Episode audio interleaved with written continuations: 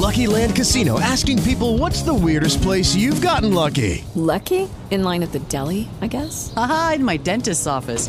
More than once, actually. Do I have to say? Yes, you do. In the car before my kids' PTA meeting. Really? Yes. Excuse me, what's the weirdest place you've gotten lucky? I never win and tell. Well, there you have it. You can get lucky anywhere playing at LuckyLandSlots.com. Play for free right now. Are you feeling lucky? No purchase necessary. Void where prohibited by law. 18 plus. Terms and conditions apply. See website for details. Judy was boring. Hello. Then Judy discovered ChumbaCasino.com. It's my little escape. Now Judy's the life of the party. Oh, baby, Mama's bringing home the bacon. Whoa, take it easy, Judy. The Chumba life is for everybody. So go to ChumbaCasino.com and play over 100 casino-style games. Join today and play for free for your chance to redeem some serious prizes. ChumbaCasino.com. No purchase necessary. Void where prohibited by law. 18 plus terms and conditions apply. See website for details. Què passa a la diàspora? La FIEC t'ho explica amb la col·laboració de Rap Ràdio i Internet Ràdio del Casal Guayaquil.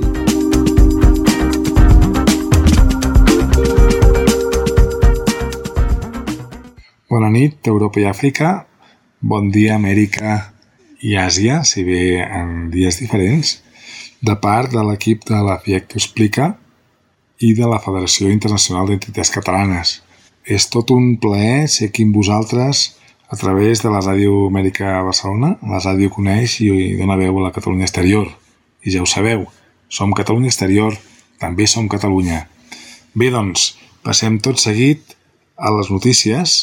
La primera notícia d'aquesta setmana serà doncs, que el 5 de maig, en les jornades present i futur de l'acció exterior subestatal, organitzades per l'Institut d'Estudis de l'Autogovern i el Dipolcat, la consellera Serret va anunciar la creació d'un cos diplomàtic de la Generalitat.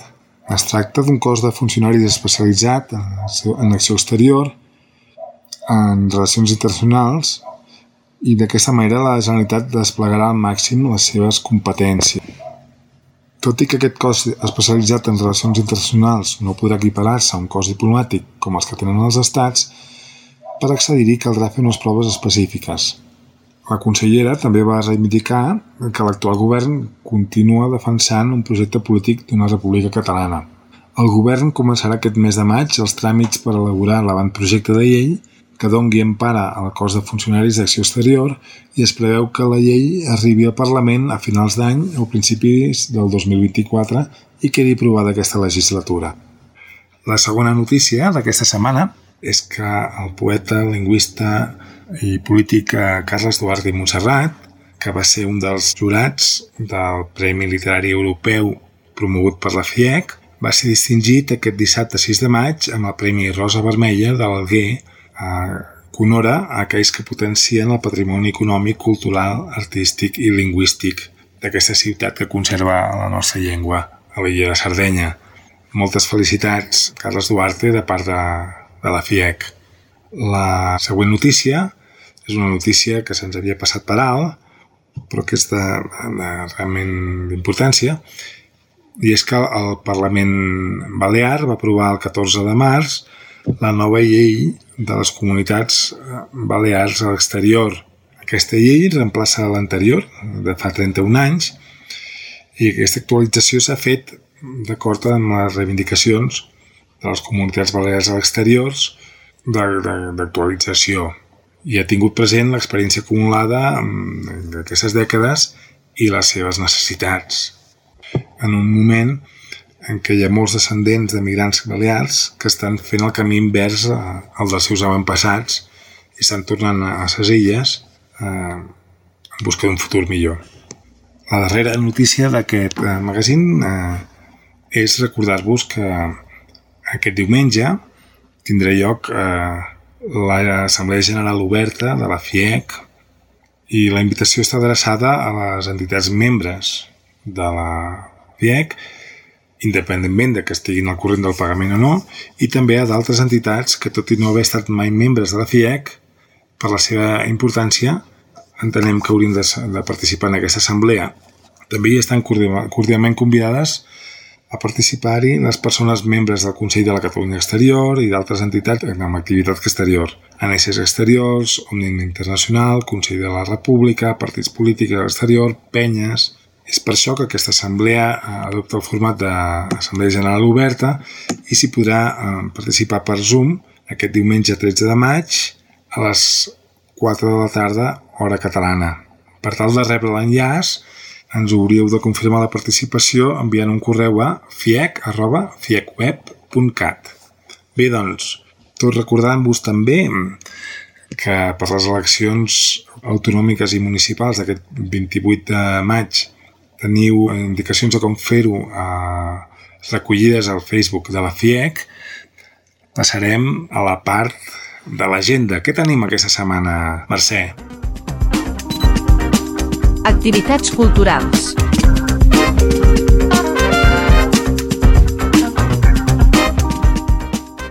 Què tal, companys? Gràcies, Cristian. Bon dia, Amèrica. Bon vespre, Catalunya. Bon temps a tot arreu. Amics i amigues, si us sembla bé, ens donem un tom pels casals i centres catalans a l'exterior i així conèixer les seves ofertes culturals. Si us ve de gust, n'anem lluny. Iniciem el passeig per Àsia i Oceania. El Centre Català de Kansai, Osaka, Japó i el Casal Català de Sydney, plegats, convoquen concurs de relats curts en català per a residents en Àsia i Oceania. Data límit per presentar els treballs el 14 d'agost. Demaneu les bases segons correspongui. Asia exosaka arroba osb.att.nae.jp Oceania hola arroba casalcatalansw.com i arribant a Europa, el Casal Català de Lisboa fa curs de sardanes gratuïts els dissabtes a les 6 del vespre fins al 24 de juny. Catalans a Roma. Podeu escoltar un nou episodi de Ràdio Catalunya Itàlia cada dos dimarts a les 9 de la nit. El Casal Català de Tolosa diu que els assajos de castellers continuen amb força. Assagen avui, dimecres 10, a la Prairie de Fietres de 7 a 9 del vespre. No us ho perdeu. Dissabte 13 fan sortida al llac de la Nos i la cabanya de Gief. Més info casalcatalatolosa.cat El Cercle Català de Madrid ens diu que encara us queden uns dies per venir al Cercle a visitar l'exposició 100 anys de l'obra del cançoner popular de Catalunya fins el 16 de maig. Imprescindible reservar visita. Informa't al seu web. Casal Catalunya de París, dissabte 13 o diumenge 14, fa Casal de Xics. I Aire Nou de Baó, també dissabte 13, espectacular correfocs de la Pau i Treva a Toulouse. Apunta't. I si voleu fer castells, per si encara no t'has apuntat, Cerca la colla que et sigui més a prop. Pots fer-ho a Edimburg, en Escòcia, a Madrid, a París, Castellers de Riberà, a Baó, a Copenhague, a Califòrnia, a Montreal, Canadà, també a Sydney i Melbourne, Austràlia, Castellers de lo Prado, de Santiago de Xile, al Casal Català de Tolosa, al Casal Català de Lausana, Suïssa, i visitant les xarxes, de segur trobareu alguna més. I pinya, pit i amunt. I quan creuem l'oceà i anem cap a Amèrica, els amics del Casal Català del Quebec, Montreal, estan conreant calçots i tenen molt bona pinta. Quina pena estar-hi tan lluny, oi? El Casal Català de Costa Rica ofereix concert de guitarra i veu de Miguel Solari, amb recorregut per la música del continent americà i també catalana en la tarda d'aquest dissabte 13. Casal Català dels Països Catalans de Quito, el Casal Català de Guayaquil i l'Orfeo Català de Mèxic convoquen plegats l'onzè concurs internacional del Dia del Llibre i de la Rosa en català, llengües indígenes i del món. Doneu-vos un tom per les seves webs per trobar-hi més informació. També hi tenim cineclubs. Us convidem a visitar les xarxes per veure què ens ofereixen. A l'Equador, el Casal Català de Guayaquil fa cinema el Casal els dimarts. El proper dia 16 projectarà la pel·lícula noruega Munch, amb subtítols en castellà. El Casal Català de Córdoba, Argentina, ho fa els dijous. L'Orfeo Català de Mèxic el Casal Català i dels Països Catalans de Quito fan sessió els dissabtes de manera quincenal alternant-se. Després de la projecció es fa una interessant tertúlia amb el director o la directora. Casals en xarxa, punt de trobada i qui som. Tornem a recordar-vos que Amèrica comença una hora abans de l'acostumat, que per a Europa sempre és a les 10 de la nit. Punt de trobada cada dijous i qui som cada dimarts creant sinergies entre catalans i catalanes a l'exterior. Tots els programes a les 10 del vespre català i europeu. Visiteu casalsenxarxa.cat. Xocolata i contes per als més petits. Un diumenge al mes. Ara, a les 6 de la tarda catalana. Podeu trobar tots els programes emesos de Casals en xarxa entrant a les xarxes de Medios Casal Català de Guayaquil i a més a més, si us ve de gust, podeu demanar ser inclosos al llistint i així participar de les trobades virtuals. I arribant a l'Argentina, si us interessa fer puntes de coixí, apropeu-vos al Centre Català de Rosario, al Centre Català de Mendoza, al Casal de Catalunya de Paraná, al Casal de Catalunya de Santa Fe o al dels Països Catalans de la Plata. Cerqueu el que us quede més a prop i podeu fer meravelles amb uixets. A més de passar una boníssima estona entre amigues o amics. El Centre Català de Capitán Sarmiento inicia el laboratori de música taller per infants d'entre 3 i 8 anys, els dimarts, gratuït.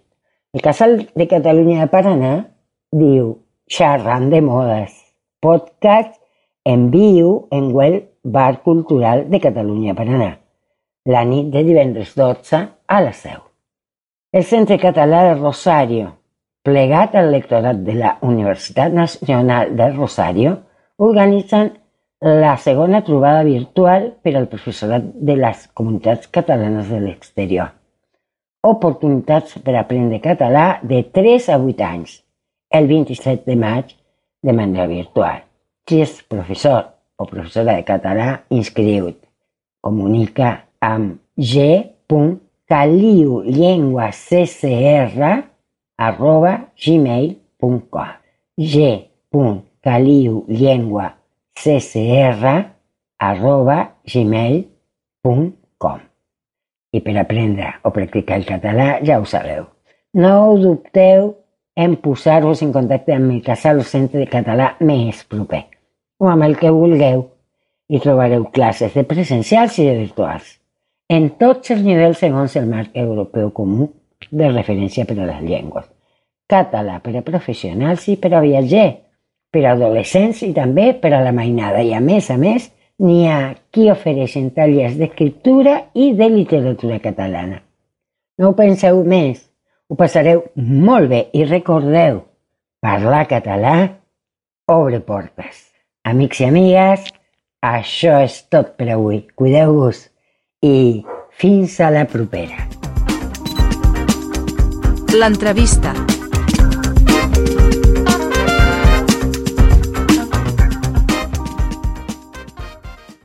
Avui al programa de la FIEC t'ho explica tenim una convidada molt especial.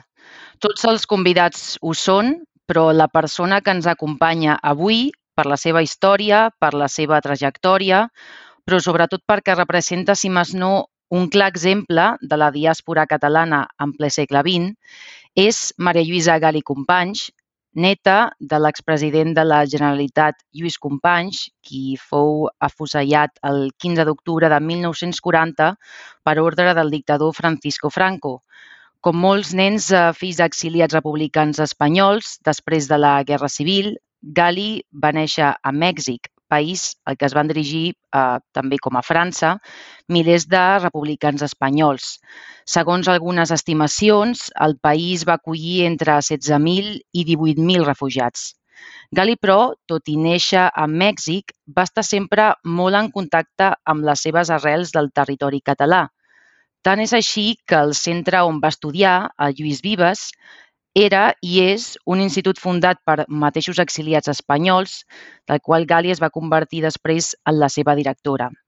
Amb la Maria Lluïsa parlarem aquesta estona de ràdio precisament sobre l'Institut, a Lluís Vives, un centre carregat d'història que connecta amb dos costats, amb dos costats de l'Atlàntic, del català a l'escola i del record de Lluís Companys, el seu avi, pel qui Gali va rebre per part del govern espanyol l'any 2019 una declaració de reparació, reconeixement i restitució de la seva dignitat. Connectem amb Maria Lluïsa Gali Companys.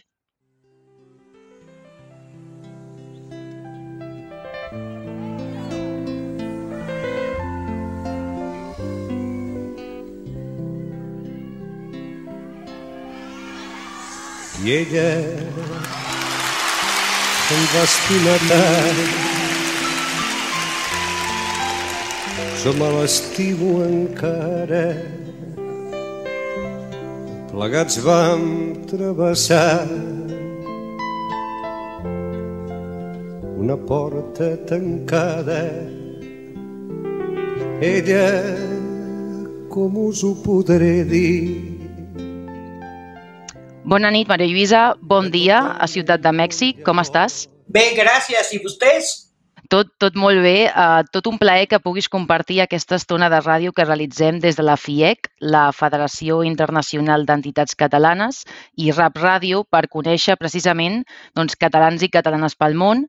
En el teu cas, mexicana, filla d'exiliats republicans espanyols a Mèxic, a la, més concretament a la seva capital, i neta de l'expresident Lluís Companys, per tant, amb profundes arrels catalanes i que després de gairebé 50 anys encara encapçales l'Institut Lluís Vives, mm-hmm. un centre que voldríem potser esbrinar una mica més en aquesta entrevista. Uh, dèiem a la capçalera que va ser una escola de l'exili, no?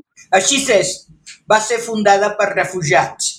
I per què, um, i com, com es pot explicar pel, per algú que no conegui el Lluís Vives um, que sigui una escola de l'exili, una escola de refugiats? Què és el que representava o que va representar en aquella època Lluís Vives? Bueno, jo crec que representava i representa eh, pues, sobretot la llibertat i la voluntat de ser eh, els alumnes i els mestres i els pares de família d'aquesta escola són gent d'esquerra, gent que creu en, en la llibertat i creu en la responsabilitat.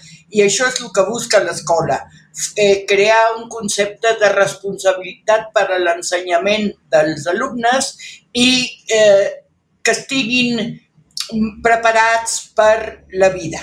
Per tant, aquests, eh, aquests valors que acaba de, de comentar eh, avui en dia eh, encara es poden veure representats en aquest institut. No és una cosa que hagi passat de moda.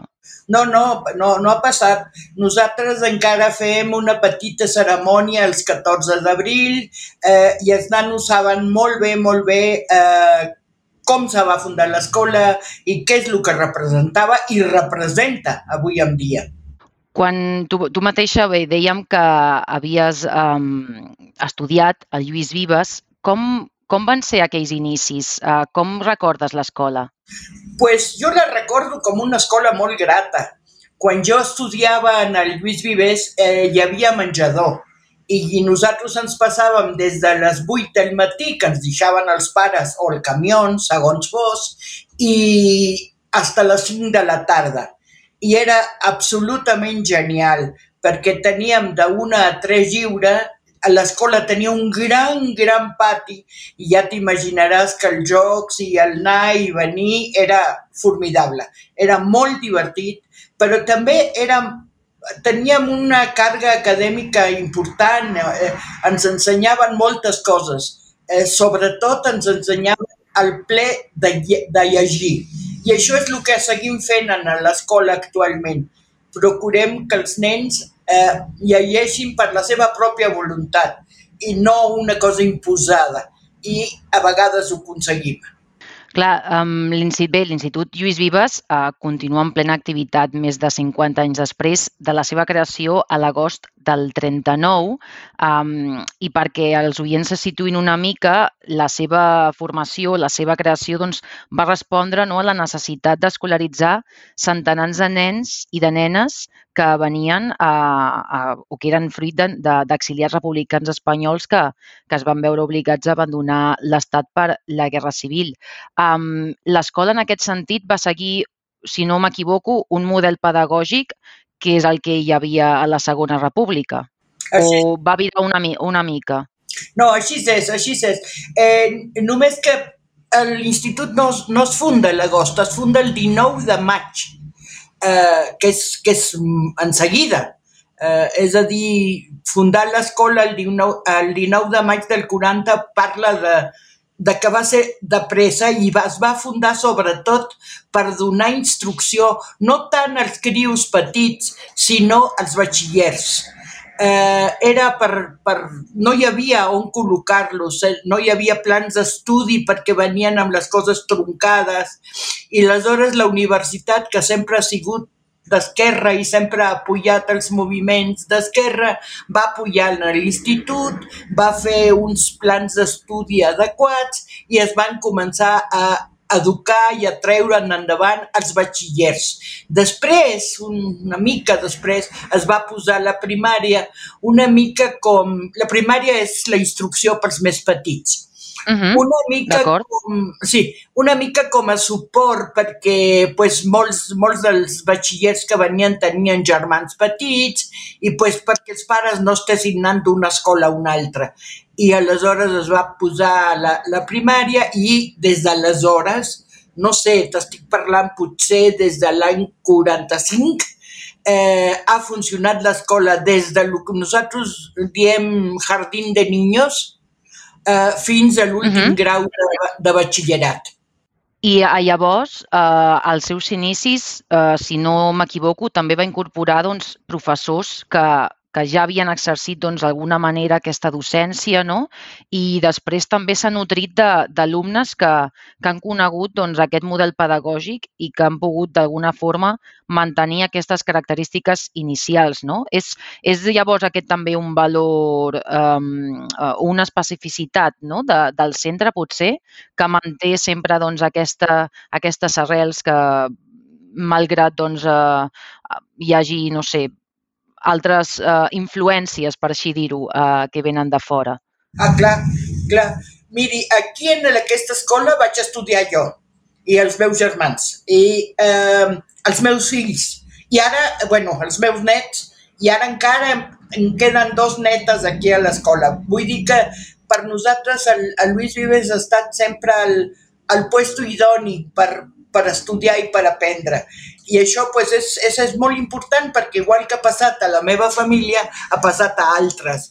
I aleshores tenim un context d'alumnes molt integrats a la idea de lo que era l'escola durant la república i el que va significar perdre la guerra i tenir que emigrar i tenir que lluitar en un país estranger.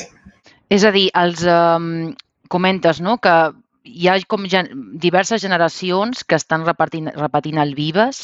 Uh, per tant, uh, no és una cosa només d'aquestes generacions primeres, sinó que les darreres, és a dir, les, les últimes que, que, que entren, són conscients els nens d'aquesta història del Vives, oi? No només és una cosa de, de la família, sinó que a la mateixa escola, al mateix institut, també eh, se'ls hi transmet aquesta, aquesta història o aquesta connexió que, que tenen amb, els, eh, amb, amb, amb Espanya, amb, amb Catalunya, per exemple. És clar, ells, ells ho saben, ho respecten i creuen en, en les coses. Aleshores, és, és molt important. És molt important que els nostres propis alumnes, després molts d'ells es queden com a professors de l'institut. Llavors hi ha tota una cadena d'integració que és el que ens ha permès viure 85 anys.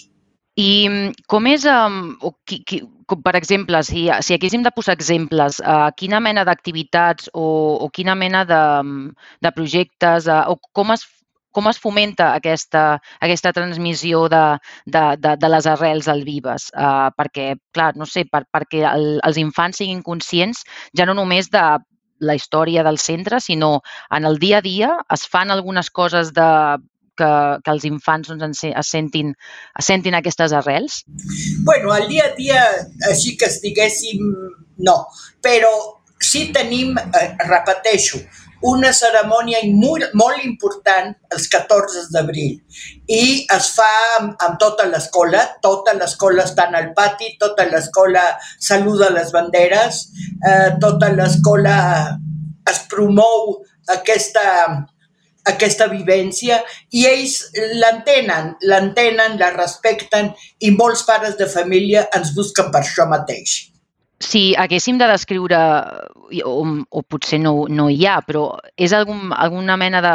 Hi ha un perfil d'estudiant, vull dir, eh, del Vives, sí. o, o és molt divers avui en dia? No, no, bueno, és més divers que fa uns anys, lògicament, però tenim un, un, un perfil ben limitat. Nosaltres treballem bàsicament per pares que tenen que són d'esquerra, eh, que busquen una escola veritablement laica, no que digui que és laica però després faci misses, sinó una escola realment laica eh, i a més una escola integradora perquè nosaltres tractem i tenim noies i nois i per nosaltres tots són alumnes i els tractem igual i això és important perquè a Mèxic encara hi ha una mica de diferenciació entre el que es vol d'un nen i el que es vol d'una nena.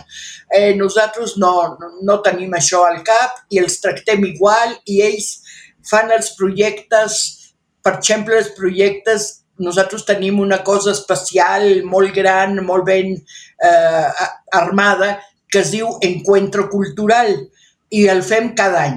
I en aquest encuentro cultural l'únic que fem és posar a la vista dels pares els treballs dels nanos. És a dir, tot ho fan ells. Ells busquen el tema, ells busquen el lema, ells eh, improvisen com volen presentar les coses, ells es posen d'acord eh, uns anys amb altres. Clar, els que surten, els, els de sexto, són més, home, governen més, són els més grans, són els que manen una mica, però tots, tots intervenen, des de jardí de nens, des de els més petits, que a més fan molta gràcia, hasta els més grans. I després fan diaris morals i fan... I, i tot això va formant aquesta cadena del Vives amb el seu passat i amb el seu futur.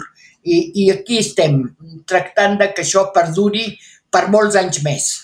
Clar, això ha de ser, eh, tal i com ara ho està descrivint, molt singular. No sé si hi ha o si encara es mantenen altres instituts semblants a, a Ciutat de Mèxic. Bueno, el que més s'assembla a nosaltres és el Madrid. Eh, les, el Madrid va ser fundat una mica mm després del Vives. Al principi només tenia primària, després d'uns anys va posar secundària i després d'uns anys va posar preparatòria. Llavors, molts eh, mestres han fet eh, la primària al Madrid, però després els, els estudis superiors aquí amb nosaltres, bueno, superiors, intermitjos, però de més edat, i, i hem tingut molt ne molts nexes, moltes, moltes unions amb el, amb el Col·legi de Madrid. Ara, eh, bueno, no sé, quan, quan el van fundar era una escola per gent que podia pagar. I al Vives hi havia gent que no pagava i cada més que no pagava se li donava el menjar a les criatures. I clar, això, eh, quan va sorgir el Madrid, ells van, van donar algunes, alguns serveis gratis, però no tots. I pues, molta gent els hi va fer il·lusió anar-se a una escola més gran, a una escola una miqueta més, més amagicanada, no sé com dir-ho. I, però, bueno, la, la cosa és que aquí estem i, i anem tirant. Exacte, la cosa, aquesta és la cosa, no? que, que encara perdura i pel que descriu doncs, una, una escola molt integradora no? I, i molt singular. Um, una cosa que, que, que em pregunto és uh, amb el contacte ara mateix amb altres escoles eh, o l'entorn a, a la mateixa ciutat de Mèxic, ja no parlem a, a Mèxic perquè és un país immens, però, però a la mateixa ciutat de Mèxic que també ho és. No sé com és aquest contacte amb, amb altres escoles o potser amb, amb la influència, no? una cosa que parlàvem abans, d'altres formes, d'altres maneres de fer o fins i tot de, de maneres de fer que, que el Vives està molt més avançat eh, mentalment, per exemple, eh, que alguns podrien considerar potser que és una escola molt transgressora um, per, pels estàndards que, que potser tenen les escoles allà. No sé si uh, us considereu doncs, una escola pionera en, en aspectes que a, a Ciutat de Mèxic encara encara li costa o, o ara tot està més o menys més anivellat? No, som una escola pionera, des de luego. I som una escola que de veritat, de veritat, pretén la responsabilitat de l'alumne. No ho diem eh, i després no ho fem, sinó al contrari. Constantment estem dient als nanos eh, que les coses les tenen que solucionar ells, que ells tenen que fer els projectes, que ells... i dona molt bon resultat. Eh, als nanos solament se'ls té que donar l'apertura de poder funcionar i ells funcionen meravellosament. Eh, algunes escoles no són així, algunes escoles pretenen desde luego, imposar-se i les escoles religioses, bueno, pues són religioses.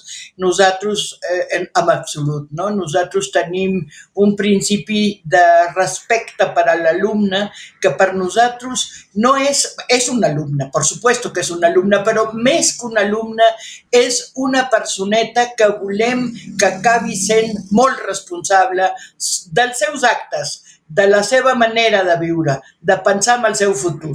I això és el que tractem d'aconseguir. Sens dubte, eh, si vostè va ser eh, alumne d'aquesta escola i ara és directora, eh, doncs és una cosa que ha volgut doncs, o que ara mateix transmet, no? és això que comentava d'aquesta cadena. Si mirem una mica enrere, eh, Maria Lluïsa, com, com es va convertir en, en directora? Eh, com, com va ser aquest pas? Bueno, eh, el, no sé, va ser un, un, una transacció, nosaltres estem governats per un patronato i aquest patronato decideix eh, els puestos fonamentals. Eh, després de que va, vam tenir un director com 10 o 12 anys, eh, van decidir que jo podia ser la directora que sempre he estat treballant a l'escola. És a dir, quan no era no era directora, vaig tenir una coordinació, vaig tenir una coordinació a primària, una coordinació a batxillerat, és a dir, sempre he dedicat els meus esforços a l'escola i jo crec que d'alguna manera el patronat ho va valorar i va decidir donar-me la direcció general de l'escola.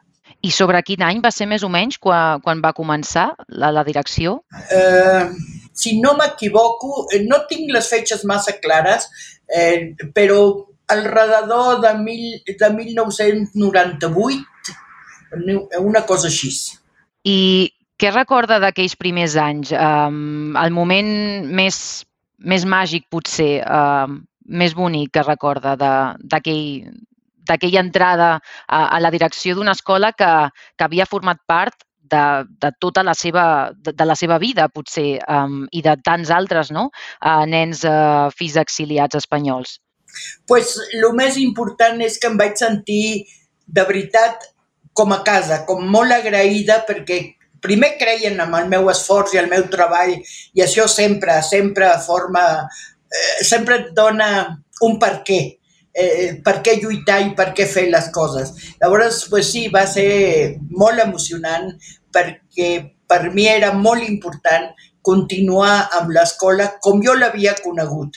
No, no volia que l'escola es convertís en una escola més de Mèxic, eh, sense menoscabo a cap escola, eh? Ojo, que les escoles hi ha, no, hi ha unes boníssimes, però jo no volia tant una escola que tingués eh, una reglamentació molt estricta i que els pares no formessin part de res, i que, sinó que jo volia una, una cosa més de tipus comunitari, més com jo l'havia viscut. I bueno, això és el que s'ha aconseguit. La comunitat eh, Lluís Vives és molt activa, fan moltes coses i això ens permet seguir existint com, eh, bueno, d'alguna manera, com jo he volgut. I, per tant, després de tants anys, eh, es pot dir que està satisfeta, no? Eh, si, si, si hagués de donar un pas al costat, es veu, doncs, amb, amb la, amb la, o té la sensació d'haver fet una feina, d'haver continuat amb aquest eh, llegat, no? Sí, sí, sí.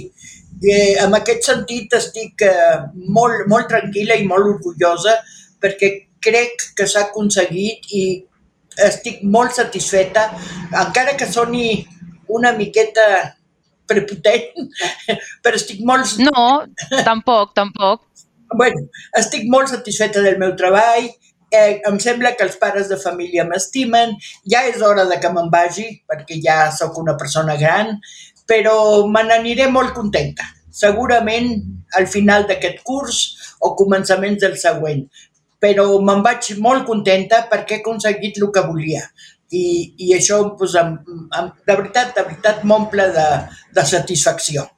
Clar, deia doncs, de, que, que vostè eh, quan va començar es va sentir també agraïda no? perquè la, la gent havia cregut en el seu esforç i ara suposo que, que també, no? eh, que si ha de donar, com diu, al final d'aquest curs o, o l'any vinent un pas al costat, també tindrà aquest sentiment i, i, amb les, i potser continua col·laborant amb les mateixes ganes, no? però d'una altra forma, no? perquè el Vives al cap i a la fi també eh, ha tingut doncs, aquest arrelament al barri o, o a la zona on, on està. No? no crec que no és només una escola que la gent treballa dins de l'escola, sinó al, al mateix voltant, com és aquesta, aquesta relació, potser amb, amb els veïns, eh, Bueno, eh, en realitat tenim bones relacions amb, tota la, amb tots els veïns, perquè això és una cosa important.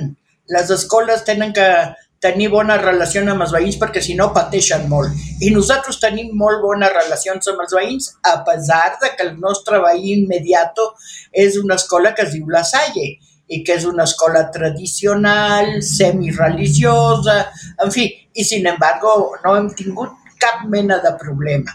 Els invitem a algunes, eh, a l'encuentro cultural, quan fem a novembre les, les ofrendes, en fi, i, i tenim bona relació amb tota, la, amb tota la comunitat. La veritat és que no tenim problemes, no hem tingut problemes fins ara amb ningú del voltant. I té ja no sé si dir por, però um, té alguna mena de... de bé, o, veu que potser les, les noves tecnologies o, o altres potser influències um, uh, que ara mateix, per exemple, no, s'està vivint a les escoles a, a Catalunya no, amb, el, amb el conegut com uh, ChatGPT, uh, que bé, potser estan donant una altra volta al que, al que significa l'educació. No sé si té alguna preocupació que aquests valors no, que comentava també de l'esforç es puguin veure una mica trastocats eh, per, per altres influències? Bueno, jo crec que els valors de l'escola no, no, no, no sofriran, no patiran. Me sembla que, que estan molt ben implementats. Ara, que les, les coses tenen que canviar, tenen que canviar. Eh, és a dir, eh, jo he fet eh, coses diferents a les que feia el director que estava abans. Eh, vull dir, sempre passa. La persona que està a la capçalera d'algú pues, imposa el seu estil. Eh, per lo de més, no crec que sigui que hi hagi cap preocupació. Jo crec que les coses poden continuar i que continuaran com estan. Bé, no volíem eh, tampoc deixar passar eh, el fet que vostè és neta de, de Lluís Companys eh, i la seva relació amb, amb el seu avi sempre ha estat eh, molt comentada, malgrat vostè no, no el va conèixer, però eh, quina percepció en té de, del seu avi? Potser ja s'ho han preguntat molts cops, però eh, ara que ha comentat tota la, la seva història amb Lluís Vives i tota també la seva relació eh, amb els seus orígens, eh, potser això també doncs, li ha donat una altra transcendència, no? El que li poden arribar de llibres o li poden arribar potser de, de, de persones. Eh, eh, com, quina percepció en té? Bueno, per mi eh, ha estat sempre un orgull, eh, vull dir, un, un no escolleix a la família, la família li toca. Eh, em sembla que si jo hagués escollit, hagués escollit exactament la que he tingut. Per mi, la figura del meu, del meu avi sempre ha estat la d'un home just, eh, més que altra cosa, just. Un, un polític com tots els polítics, ha tingut eh, coses bones, coses dolentes, coses no solucionades, és a dir, com qualsevol polític. Però que jo penso que ell era un home de molt bones intencions i potser eh, això és el que a vegades, quan se juzga la seva personalitat, espero una mica. I això sí eh, em fa una mica de mal, perquè jo crec que era, sobretot, una bona persona. El 2019 dèiem que, que se li va otorgar aquesta um, reparació i reconeixement a la seva dignitat. Um, és suficient? Quin és el, el, el següent pas, si no? bueno, suficient no serà mai res, però a nosaltres ens hagués agradat eh, que s'anul·lés el judici. És a dir, no, no, no, ja m'han explicat que no es pot fer i tal, però a mi m'hagués agradat que simplement el judici no hagués transcendit com a tal, perquè ell, ell no mereixia un judici del tipus que li van fer. Eh, I tampoc la condena. No, no havia per què condenar-lo a mort i, sin embargo, pues, així es va fer. Però crec que això seria el més important, eh, fer desaparèixer el judici, és a dir, eh, anul·lar-lo d'alguna manera, però sembla que no es pot fer. Quan en la llar cremaven només paraules d'amor. Paraules d'amor senzilles i tendres, no en sabíem més, tenien 15 Seguim amb, amb Maria Lluïsa Gali, que ens està comentant uh, la seva, el seu pas per l'Institut Lluís Vives, que ara mateix dirigeix, i tot just també parlàvem del seu avi, um, Lluís Companys, uh, qui va ser afusellat um, el 1940. Uh, Maria Lluïsa, uh, has anat a Catalunya diversos cops. Quina, quina relació tens ara mateix? Perquè estàs doncs, arrelada, òbviament, no? a, a Ciutat de Mèxic. Però quina relació tens ara mateix amb Catalunya, llavors? Bueno, cordial, com sempre. Uh, no, tinc, no he tingut mai cap problema a Catalunya, eh, però bueno, tu ho has dit, jo sóc mexicana, els meus fills són mexicans, eh, els meus nets són mexicans, vull dir, la meva vida és aquesta. Eh, però per Catalunya sento un gran carinyo, un gran respecte i m'agrada de tant en tant aparèixer per allà. Així és que, pues és el que... I, pen I penses eh, tornar aviat o no hi ha plans encara? No, plan encara no hi ha.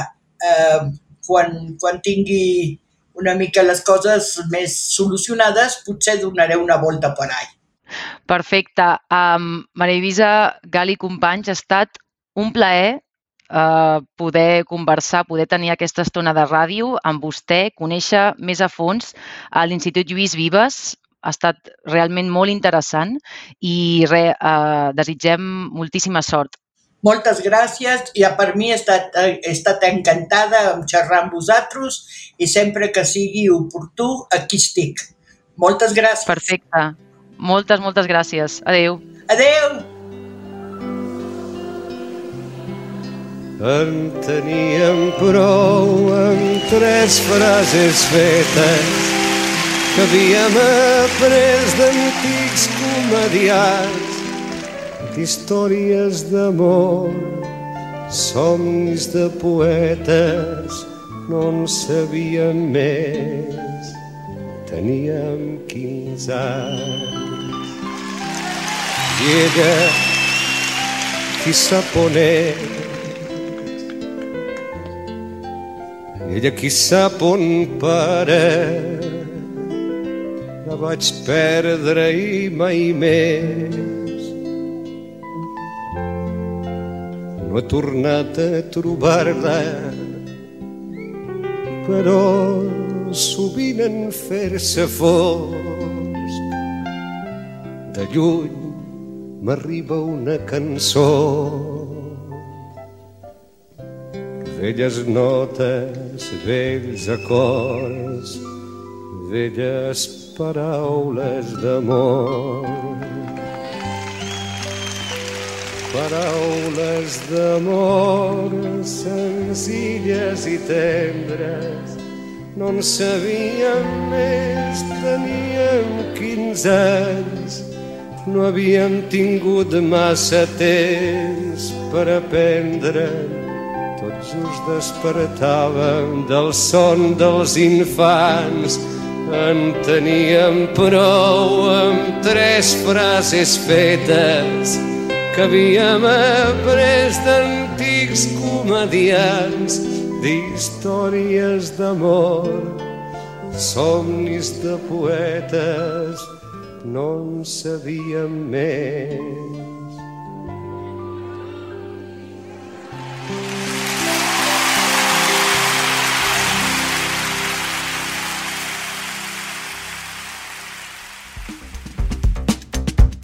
Això va ser Què passa a la diàspora? Un programa de la FIEC amb la col·laboració de Rap Ràdio i Internet Ràdio del Casal Guayaquil.